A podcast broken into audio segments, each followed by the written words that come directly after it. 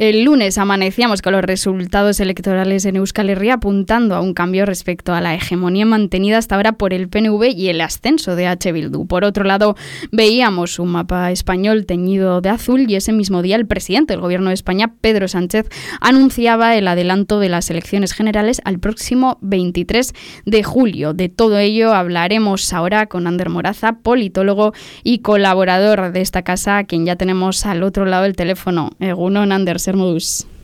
Egunon. Egunon.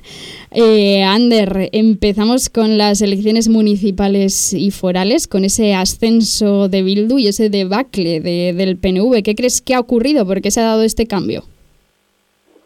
Bueno, lo cierto es que por lo general en cada elección se suele dar eh, una rotación entre partidos. No suele ser muy común que un partido político renueve más allá de dos legislaturas, por ejemplo.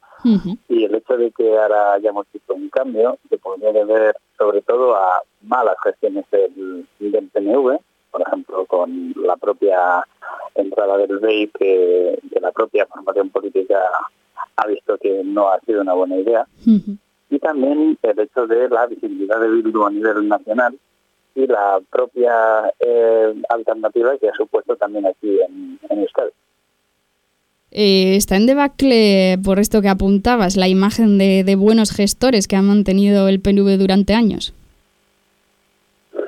Sí, lo cierto es que siempre se ha abrogado ese, ese mensaje de que son grandes gestores, grandes eh, tecnócratas, y lo cierto es que para poder tener esa, eh, digamos, ese nombre de buen gestor, tienes que demostrarlo. Y lo cierto es que hemos visto que PNV, por lo menos aquí en Álava, aunque es extrapolable a todo Euskadi, se ha lucido, sobre todo en esta última legislatura, en malas gestiones. Y es algo que la ciudadanía también ve.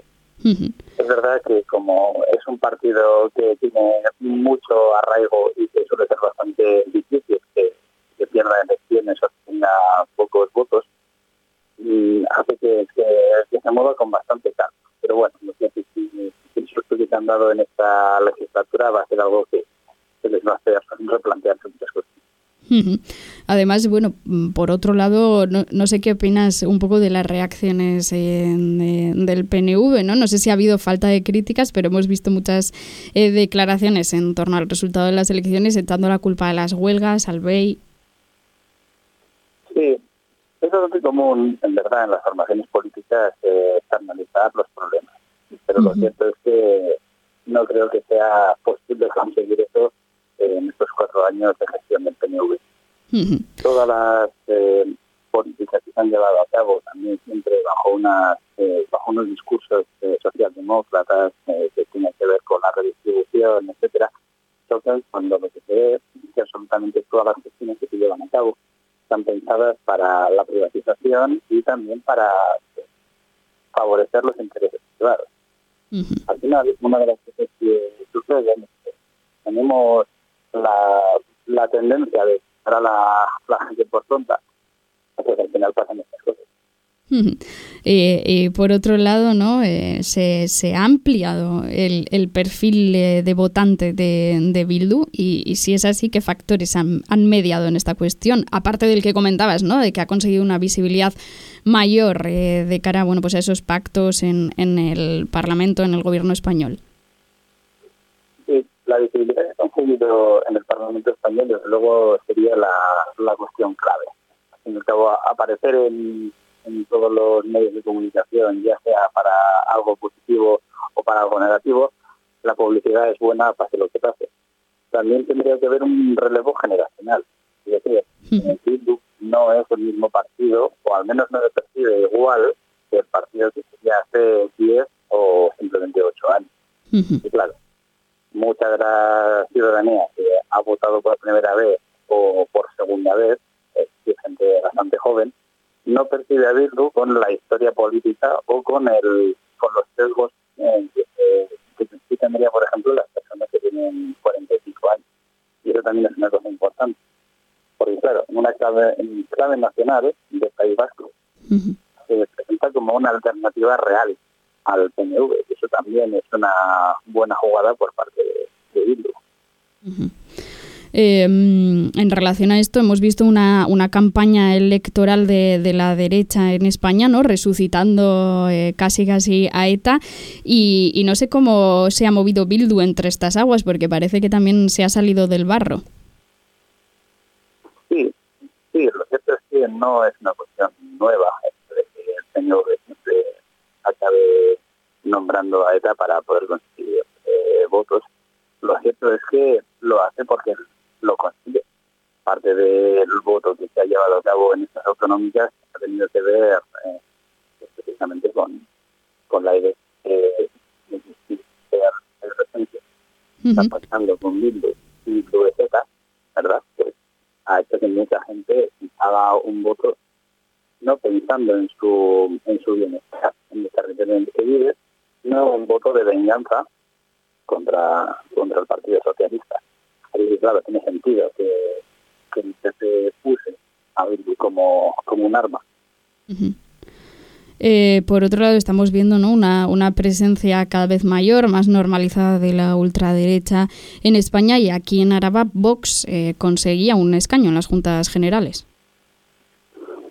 Sí, tiene sentido porque en última instancia, cuando estamos viendo esta, este planteamiento flagrante de Vox eh, en los medios de comunicación y también la normalización de estos discursos como, como política sociológica, esta cuestión grandiana de, del lenguaje político y de cómo se puede eh, naturalizar las distintas dinámicas eh, políticas de, de forma progresiva, pues sí, al final se naturaliza y se interioriza como algo aceptable las ideas que representa este partido y aunque el hasta ahora se había mantenido bastante impermeable a, a sus discursos, pues bueno, tiene todo el sentido de que al final acabe, acabe consiguiendo. Y Ander, eh, ¿qué gobierno crees eh, que se que se formará en Gasteiz? Eh, bueno, hemos tenido una semana, ¿no? ayer se reunían el Carrequín Podemos y Bildu. Estamos viendo, bueno, pues distintos movimientos y quizá ahora tengamos más, más información, ¿no? Que el mismo lunes para, para apuntar hacia algún gobierno concreto. ¿Qué piensas que, va a ocurrir en Gasteiz?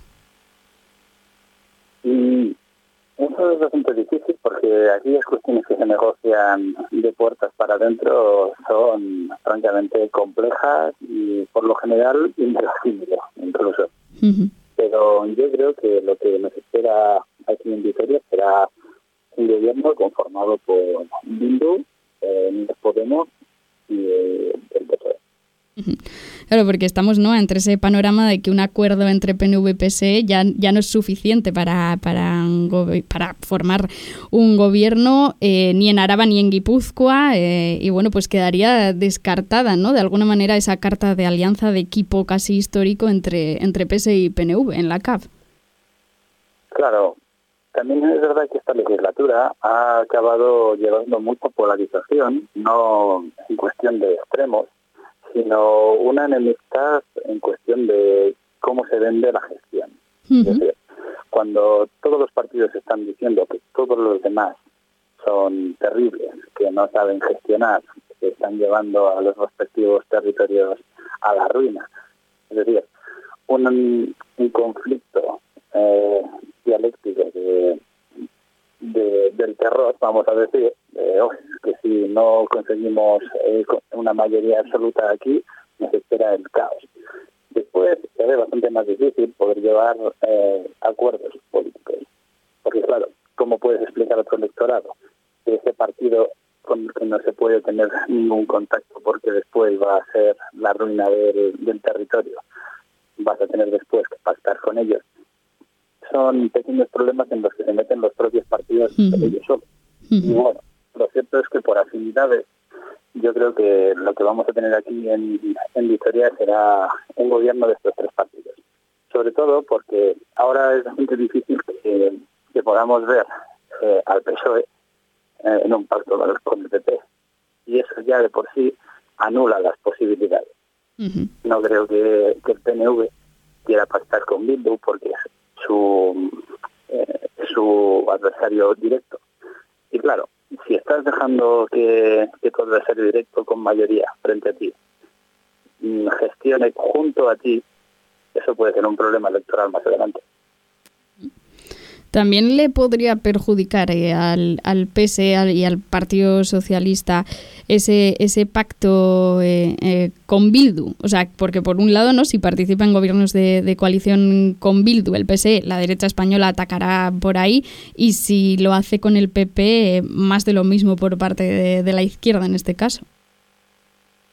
Mm, bueno, todo lo que haga en general la izquierda o, o, el liberal progresismo, más o menos, que el, el PSOE, siempre va a estar criticado, porque los medios de comunicación hace tiempo que se echaron al monte a la hora de atacar cualquier política que no esté directamente relacionada con políticas neoliberales, sobre todo encarnadas por el PP.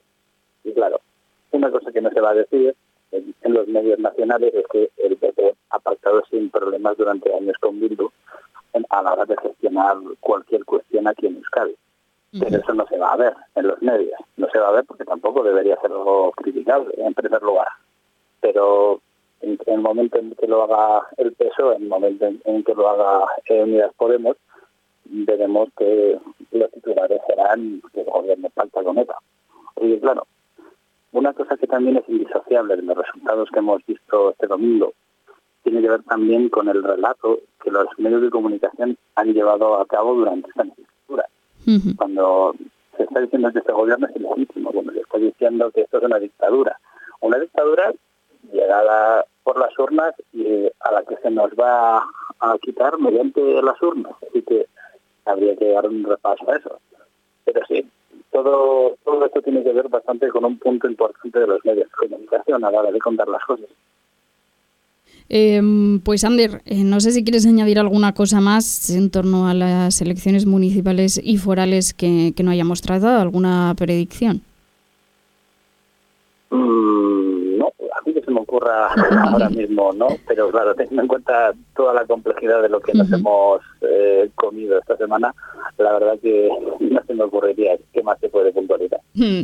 Ander, pues eh, pasamos a esa noticia del lunes eh, a la mañana cuando Pedro Sánchez adelantaba las elecciones al próximo 23 de julio. Eh, ¿Por qué esta, esta decisión? ¿Por qué hace esto Pedro Sánchez? Pues en verdad yo creo que tiene todo el sentido este movimiento que hace Pedro Sánchez. En primer lugar porque nada más verse los resultados al entrar de nuevo en una campaña electoral, no da tiempo a que se interiorice en la ciudadanía la victoria de la derecha. Lo que consigue también es aunar eh, al votante de, izquierdas, movilizarlo y que, se consiga esa movilización en base a un susto reciente, que es este auge de la derecha a nivel nacional, y sobre todo también el hecho de que puede pillar con el pie cambiado a, a Yolanda Díaz de Unidas Podemos en este proceso de unificación en que se encuentran y eso podría llevar a cabo precisamente la desaparición de estas dos formaciones. Así que claro, lo que consigue Pedro Sánchez con esto es movilizar a la izquierda, movilizarla probablemente bajo el PSOE, que, que la derecha no pueda eh, capitalizar esta victoria, que no consigan eh, generar un relato después de estas elecciones también mejora la, imagen de Pedro Sánchez el hecho de que haya habido unos malos resultados y eso le lleve a, decidir que va a haber unas nuevas elecciones. Claramente Pedro Sánchez no está llevando a cabo estas nuevas elecciones porque, como él dice, ha escuchado a la ciudadanía y eso implica que tiene que generar elecciones. Pero está haciendo una jugada de mano que implica que, dado que esto este panorama ya está así, y probablemente pueda costarle eh, las elecciones generales, por lo menos consigue este movimiento que es el, en el mejor momento, en las mejores circunstancias, dentro de lo que cabe. O sea que sí, en verdad tiene todo el sentido que hecho esto. Y Ander, como politólogo y conocedor un poco del panorama político, ¿te esperabas algo así? Esta, este volantazo de, de Pedro Sánchez. La verdad que no creo que nadie se lo esperaba porque es una jugada muy, muy, muy arriesgada. Es muy arriesgado esto que está haciendo. Y alguien tan ambicioso como Pedro Sánchez eh, golpea un poco más esa sorpresa de que lo esté llevando a cabo, porque puede costarle eh, la legislatura y puede acabar su carrera eh, política. sorprendente, la verdad. Dicho lo cual, como digo, tiene todo el sentido.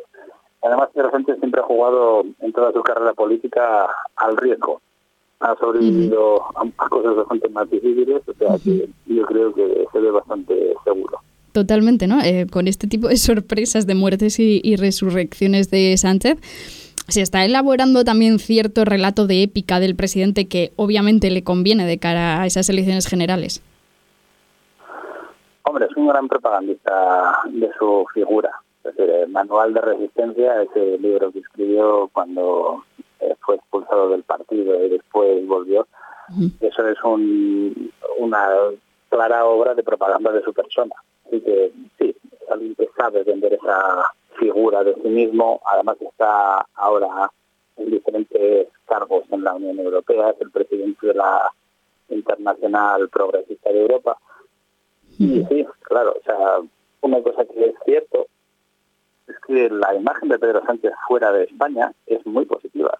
Las políticas que se han llevado a cabo en España, esta legislatura, se ven con muy buenos ojos en el progresismo europeo. No nos eh, llega de esa forma aquí, por lo que digo, de cómo los medios de comunicación estaban configurando un relato muy diferente de cómo se tienen que perseguir esas políticas sociales. Pero sí, sí, lo cierto es que Pedro Sánchez ha estado gestionando muy bien esa figura, eh, compaginándolo con las diferentes políticas sociales que le han obligado a llevar a cabo, por cierto. No las ha llevado a cabo él. ¿Qué crees que va a ocurrir, Ander, eh, con Podemos y Sumar? ¿Se va a acabar integrando Podemos en, en Sumar? Eh, si lo hace, ¿esto va a quedar creíble? ¿Va a sumar puntos? ¿Va a restar? Mm, yo esperaría que sí se un acuerdo y ambos partidos puedan presentarse unidos a las elecciones. También es cierto que esto también tiene que ver con la con el cúmulo de ventajas que tenía para eh, llevar a cabo las elecciones generales. Y que cuando las dos formaciones políticas han estado dos meses o tres eh, en un constante debate de quién tenía que ceder, por qué no era posible, por qué ambos dicen que, que querían eh, pactar pero ninguno lo consigue, es también una situación un poco incómoda que lo consigan ahora en nueve días cuando no lo han conseguido en tres meses también va a afectar a su figura. Y claro, lo cierto es que lo que salga de ahí puede ser positivo y yo creo que el nerviosismo de las derechas con estas elecciones también puede tener que ver con la capacidad de movilización que esta situación puede llevar a cabo. O sea que un partido como Sumar, que sí aúna a todas las izquierdas a la izquierda del PSOE, y un PSOE movilizado, con, con un poco de suerte, de hecho, y acabando con esa apatía abstencionista, puede, puede generar que tengamos una legislatura que no sea de extrema derecha. Bueno, pues veremos... Eh, progresista, pero... Eh, eh, liberal progresista, como decías antes. todo, todo, todo lo de izquierda que, se puede, teniendo en cuenta que el partido mayoritario es el PSOE. Ander, eh, nos llegaba ahora la noticia, del titular PNV y PSE anuncian un pacto general sin foto intentando obviar al, al PP. Mediante un texto breve y genérico firmado por ambas formaciones, PNV y PSE han anunciado este viernes un pacto general para fomentar coaliciones en diputaciones y ayuntamientos. Eh, no sé si estabas al tanto, no sé esto qué movimientos produce. Bueno, es simplemente el intento de, de PNV y PSE de mantenerse en contacto y tener preferencia de pactos entre ellos.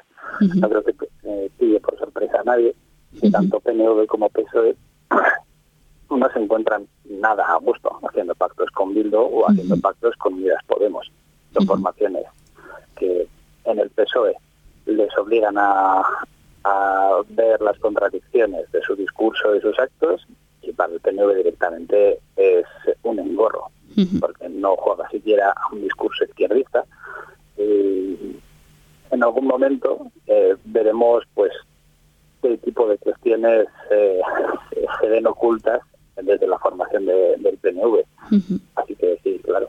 Lo lógico para ambos partidos es que zanjen pactos entre ellos en la medida de lo posible antes de que tengan que llevar a cabo algún otro pacto con las otras dos formaciones. Antes decías la predicción de que lo más probable, o según un poco eh, tu análisis, es que se formara en Gasteiz un gobierno eh, con EH Bildu, eh, PSE y el Carrequín. ¿Podemos? ¿Crees que esta noticia va a cambiar algo este, este posible gobierno? No creo que esa noticia cambie eh, los planes que estén hechos. Al fin y al cabo, en la política todo el mundo sabe que lo que llega el, compañero de partido, lo que llega eh, el partido con el que estás eh, gestionando, no es tan importante los eh, relatos como la gestión que, se lleva a cabo después. Y desde luego, en, esta, en estos pactos que se van a llevar a cabo en Vitoria entre PSOE, Bildu y Unidas Podemos, no va a importar tanto lo que diga el PSOE porque los tres necesitan llegar al, gobierno. Así que, cada cual diga lo que quiera, pero que después firmen. Y eso suele ser un poco también lo que, lo que hacen. Ese juego, ¿no? eh, Ander, pues no sé si quieres eh, añadir alguna cosa más para cerrar. Mm, sí, eh, el, el interés sobre todo de que para estas elecciones generales eh,